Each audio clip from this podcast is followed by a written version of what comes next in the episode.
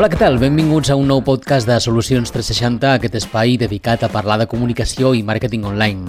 En aquest podcast farem un recull dels tips més interessants que ens han deixat els nostres convidats durant els darrers mesos. Així que, si et sembla, comencem.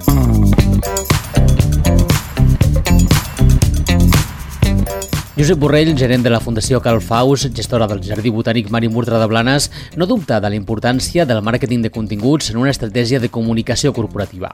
L'escoltem. I una mica jo crec que aquí és on el, la frase aquella del content is king, del, que el, els continguts realment són importants, doncs aquí cobra, cobra tota la seva vigència perquè és molt fàcil apreciar com quan un ofereix continguts de qualitat a la xarxa sempre generen resposta. De fet, eh, nosaltres sempre hem entès la publicitat com un contingut i, i de fet, mm, doncs, en un ambient en el que tot es mercantilitza, per dir-ho d'una manera molt, molt bèstia, eh, doncs qualsevol contingut també es converteix en una publicitat.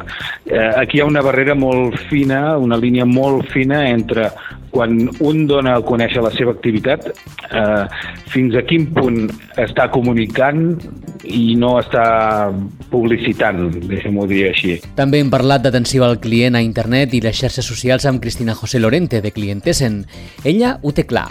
L'atenció al client ha de ser una filosofia d'empresa que aporti valor i que permeti fidelitzar els clients. Hi ha una frase que jo utilitzo molt a les formacions que faig, no? és que l'atenció al client ha de ser una filosofia de l'empresa, ha de ser un tarannà i ho han de portar a l'ADN. Però ja et dic, Josep, no només l'atenció al client, sinó hi ha l'experiència positiva que volem que visqui el client. L'atenció al client és una part, no? però també hem d'anar més enllà perquè cada vegada el mercat és més competitiu, perquè hi ha moltes empreses que estan oferint serveis i productes gairebé idèntics al nostre i el que realment ens pot diferenciar és la relació humana, no? el que li podem donar al client, no? quins detalls, com empatitzem amb aquell client, amb els seus problemes, amb les seves necessitats. Una de les protagonistes del nostre podcast durant els darrers mesos ha estat Carmen Maria Cubero, responsable de màrqueting de la divisió de plaques base de Gigabyte Espanya. Cubero ens explicava que la incertesa i el risc a l'hora de planificar una campanya sempre hi són. En general, o sigui, una de, la, de les grans incògnites és saber on vols arribar és, és un risc que has d'assumir en el sentit, però això tothom, o sigui, grans marques també, no? d'apostar per un camí i apostar fort fins que l'experiència et dona a la resposta de si és el correcte o no és el correcte.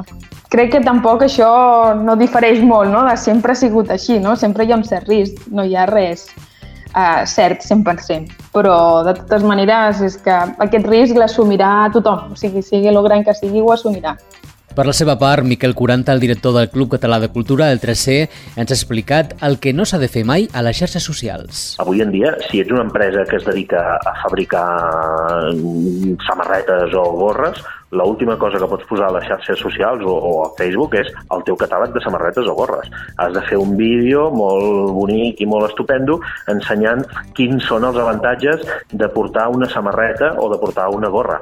Però no se t'acudeixi dir, eh, escolti, vostè posi una samarreta i jo li faré la millor samarreta del món, perquè automàticament això és percebut com a, com a, com a publicitat i per tant és intrusiva i per tant és invasiva i per tant deixo de, de parar-li atenció jo sempre he comparat les xarxes socials um, com una conversa entre amics que estan fotent-se unes, unes, unes birres allà a la terrassa d'un bar i els hi apareix el típic paqui amb el ram de roses. No? I se'ls fot al mig i diu, una rosa, una rosa, una rosa. La resposta natural sempre acaba sent no m'interessa, no m'interessa, no m'interessa, perquè aquell senyor està apareixent allà i, i t'està intentant vendre una moto. I aquesta és la percepció que jo he tingut sempre de la, xarxa, de la relació de les marques o de les empreses dins de les xarxes socials. Un altre tema que ha sorgit en el nostre podcast ha estat el dels valors i la ètica. Ho comentava la directora de la ràdio local de Malgrat de Mar, Laura Tellez. El que sí que perdem a vegades és una mica el respecte um, els valors, tot això, o sigui, està molt bé les xarxes socials, eh? jo considero que, que són claus, però també considero que ens falta una mica d'educació en aquest sentit, educació que potser hi hem de començar a donar des de les escoles. Eh? Potser sí que hauríem de tenir una assignatura de xarxes socials perquè a vegades fins i tot ens hi pot anar la vida. M'entens? I ara ric, perquè pot semblar que faci molta gràcia, però, però jo m'hi he trobat a nivell personal. Llavors, clar, mmm, crec que sí, guanyem tots, però sí s'ha de saber fer amb respecte, sí s'ha d'educar en matèria de xarxes socials i sí hem d'entendre que no tot s'hi val i que no ens podem creure amb el dret de penjar a Facebook o a Twitter. Parlo de Facebook perquè potser és la més la més explosiva en aquest sentit, no? No podem penjar en Facebook qualsevol cosa ni tampoc creure'ns amb el dret que perquè és Facebook i és internet i estem no sé a on, doncs podem insultar o podem tractar malament a les persones. No, això no ho podem fer. Per tant, hi guanyem tots si es fa bé. No? Si es fa malament, no sé jo si guanyem. Per la seva banda, la periodista i locutora professional Megui Cabrera ha estat una altra de les nostres convidades. Ella té clar que si nosaltres no invertim en nosaltres mateixos, ningú més ho farà. En la mateixa línia, si tu no ets un creador web professional, utilitzar mm, plugins que sí que són professionals i que sí que tenen un suport al darrere et poden facilitar molt la vida, perquè al final la teva web es veurà molt més professional i al final els teus serveis es percebran com a més professionals. Per tant, és una clara inversió. Si tu no inverteixes en tu mateix, en la teva marca, en el teu producte, sempre ho dic i és que així ho penso ningú més invertirà en tu. I parlant de valors i principis, pel podcast de Solucions 360 també ha passat la consultora Txell Costa, que ens explicava que els somnis s'han de perseguir, perquè si no, correm el risc que caduquin. Sempre dic que els somnis tenen, tenen caducitat, com els iogurts i era un somni, a, a la TED Talk parlo d'un somni d'ego de, en lloc d'un somni d'ànima, no? Era, era, havia estudiat periodisme una mica per supervivència, eh, fruit del sistema educatiu en el que estem, que es destaquen més les nostres debilitats que les nostres fortaleses, i era una estudiant molt insegura que d'alguna manera jo lluitava per tenir una visibilitat o un estatus de, del pal. Si estudies carrera, eh, segur que tindràs feina i una carrera amb una mitjana molt alta.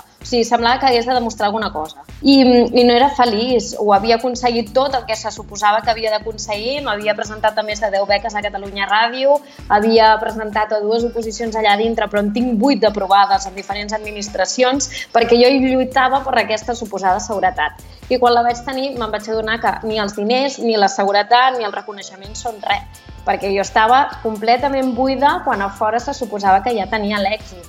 I, i és a partir d'aquí que, que em van arribant clients i la gent em demanda sense haver-me ofert, la gent m'ofereix feina, guanyo una beca a la Generalitat i és arran d'això que penso, Txell, la vida t'està portant per un altre costat. Sigui, tu no ets feliç i se t'estan obrint noves portes, per què no les explotes?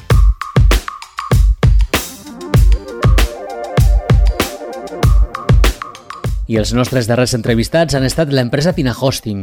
Des d'allà ens explicaven la importància de ser diferents. Nosotros, eh, tanto, tanto en las redes sociales como en otras comunicaciones como las newsletters o, o los posts en el blog, intentamos que eh, los contenidos jueguen un, un papel fundamental y, y, nos los trabajamos, la verdad.